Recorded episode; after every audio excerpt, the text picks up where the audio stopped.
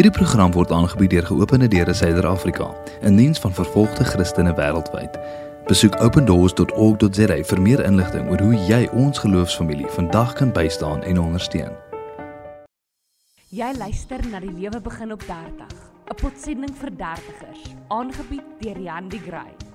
Elke week op 'n Vrydag, 1uur. Goeiedag. Wat 'n besonderse voorreg om nog hier te kan wees om weer saam te kan gesels. So aangesien ons fokus op 30s in hierdie potsending, het ek dit goed gedink om vandag bietjie met julle te deel wat een van my gunsteling eienskappe van die 30s is. Nou voor ek begin, wil ek net vir almal sê wat nog nie 30 is nie. Oh boy, oh boy, dit is so lekker. Julle het soveel om na uit te sien. Dit is absoluut awesome. Goed, so. Aangesien ons, elkeen van ons, 'n kombinasie is van gees en vlees en die tweeetjies mos maar verskillende prioriteite het, is dit normaal om 'n innerlike geveg te beleef tussen die twee. Die gees weet soms wat die beste opsie is, maar die vlees weet wat die maklikste of soms die lekkerste opsie is. En dit is een van die dinge wat derrigs vir my so lekker maak. Kyk, mense sal nooit die balans kan tref tussen gees en vlees nie. Die aard van die twee verskil net te veel. En die Here het ons geskape om vrye wesens te wees. So ons moet die vryheid hê om keuses te kan maak en gees en vlees op die proef te stel. Maar in my ervaring persoonlik het ek beleef dat 30s net vir my so katsboegie meer van 'n balans bring tussen die twee. Asof al die vorige 30 jare so opgelyn sit, elkeen het sy mandjie met daai jaar se ervarings, se lesse, mislukkings, suksesse, herinneringe. En ek moet sê om om sulke mandjies of argiewe tot jou beskikking te hê is nogal quite handy want dit is alles verwysingsraamwerke. So vandag wil ek spesifiek met julle gesels oor die groot meneer in ons lewens genaamd vergelyking. En as mense dit hoor, wil jy jou kop laat sak want meeste van ons is skuldig daaraan en meeste van ons sukkel en dit is so deel van ons daaglikse lewe.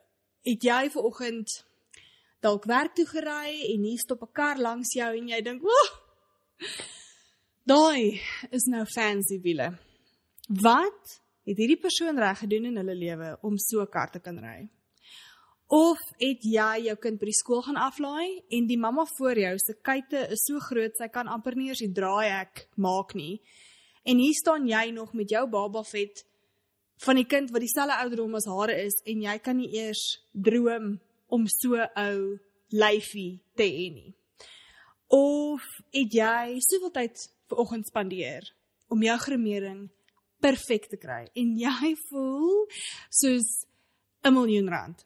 En jy stap in die meeting in en hier kom liefste sekretaresse en sy kom sit hier langs jou en sy het nie 'n druppel make-up aan nie want haar vel is net so vlekkeloos. Sy het nie eens gremering nodig nie.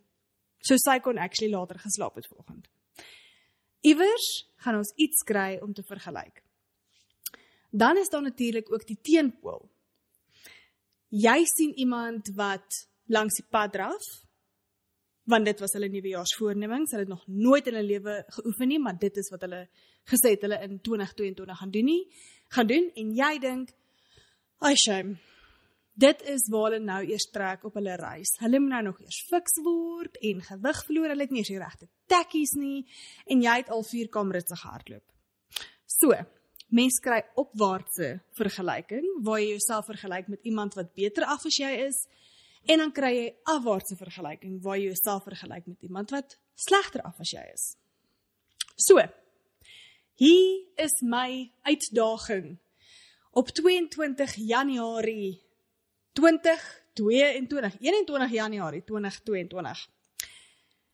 Wat van ons vergelyk onsself met onsself Eintlik eintlik wil ek die woord vergelyking heel uit die prentjie uithaal ter wille van die of as gevolg van die negatiewe konnotasie. So kom ons sê Ons verryk onsself deur onsself. En die maklikste manier om dit te doen is om na die verskillende seisoene in ons eie lewens te kyk. Om daardie seisoene te bestudeer, te ontleed en waarlik daaruit te leer.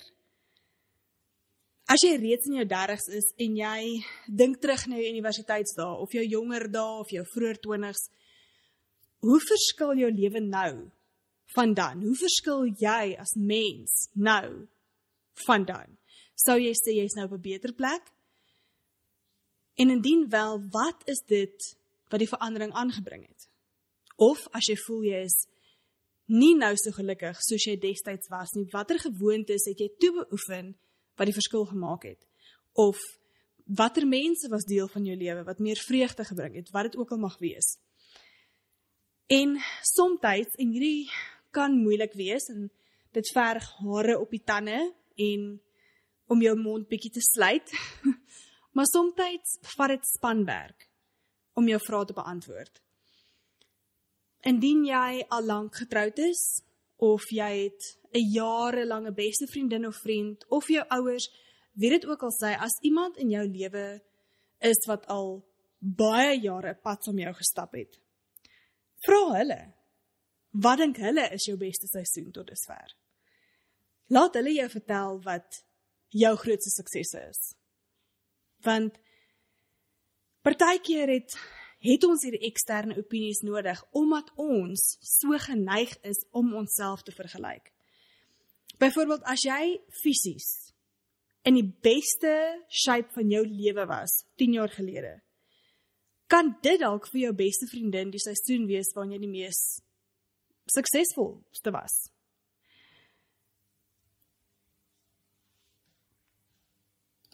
Maar jy sien dit nie so nie, want Alhoewel jy soos 'n resiesperd gebou was 10 jaar terug en sy dink dit is jou beste seisoen, voel jy nie so nie want die buurvrou wat langs jou in die gim geoefen het, het nog steeds beter as jy gelyk.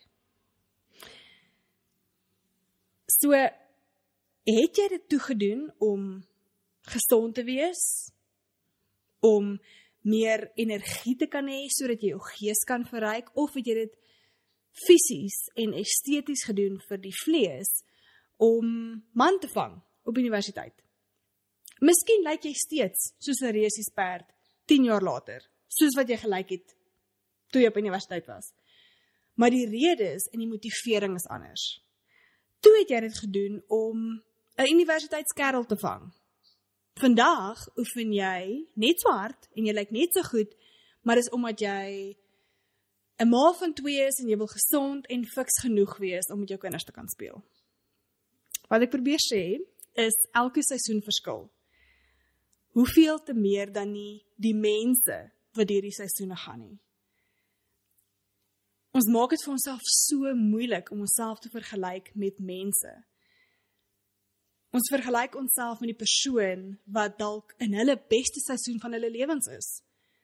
Miskien kom hulle nou net uit hulle afseisoen uit en jy gaan nou deur 'n afseisoen. Ek het soveel boeke gelees en soveel podcasts geluister en al met soveel mense gesels om uit te vind hoe oorkom mens hierdie ewel van vergelyking. Iets wat so natuurlik vir ons almal kom. En wat ek wys geword het is dat jy vir jouself, ons vir onsself moet besluit wat is sukses? Wat is jou persoonlike definisie van sukses. Want as jy nie mooi gaan sit en regtig uiteensit en sê A, B en C is wat vir my sukses beteken nie. As jy nie 'n definisie van dit het nie, dan gaan jy outomaties iemand anders se riglyne en definisies van sukses aanneem. En dit gaan niks vir jou beteken nie. Dit gaan jou nêrens bring nie want jou DNA verskil.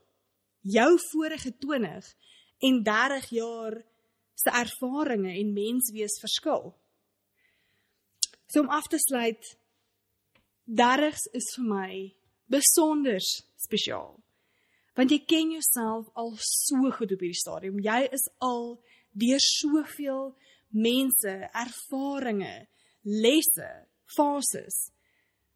Jy het nou ongeveer 14950 dae as my wiskunde reg is. Dit mag verkeerd wees. Ek het wiskunde in start 7 al gelos, so praat onder korreksie. Maar jy het al amper 11000 dae in jou lewe gehad wat vir jou kan wys wat werk vir jou en wat werk nie vir jou nie.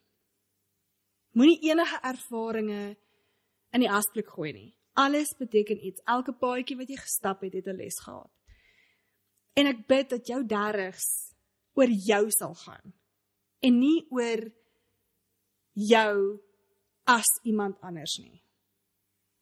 Dat jou suksesse joune sal wees. Dat jou vreugdes joune sal wees en dat jou mylpale joune sal wees. Dat jy regtig sal die vorige ervarings wat jy gemaak het en gehad het, herinneringe wat jy gemaak het, dat jy dit sal vat en gebruik en ontleed en sien dit is wat ek anders gedoen het en dis hoekom ek toe gelukkiger was of dis wat ek anders gedoen het en dis hoekom ek nou gelukkiger was. Mag ons ons eie resepte volg. Want ons is besig om ons eie disse aan mekaar te slaan. Niemand anders se nie. So mag jou derrigs oor jou gaan. Dankie dat jy geluister het na die lewe begin op 30. 'n Potsending vir dertigers. Jy kan volgende week weer saam luister na Riandi Gray. Vrydag 1uur. Die is Helen se storie. Sy is 32 maande in 'n skeepsvraghouer aangehou. Sy is gemartel, gevra om haar geloof te versaak, maar sy kon nie. Ons broers en susters is steeds opgesluit. Terwyl ons sing, word hulle stil gemaak. Ons is vry, hulle is geboei. Ons kan meer doen. Ons kan bid. Ons kan ondersteun. Jou geskenk aan geopende deure vandag kan vervolgde Christene in die gevaarlikste lande bystaan. SMS geloof na 43699 om vandag te skenk of besoek opendoors.org.za.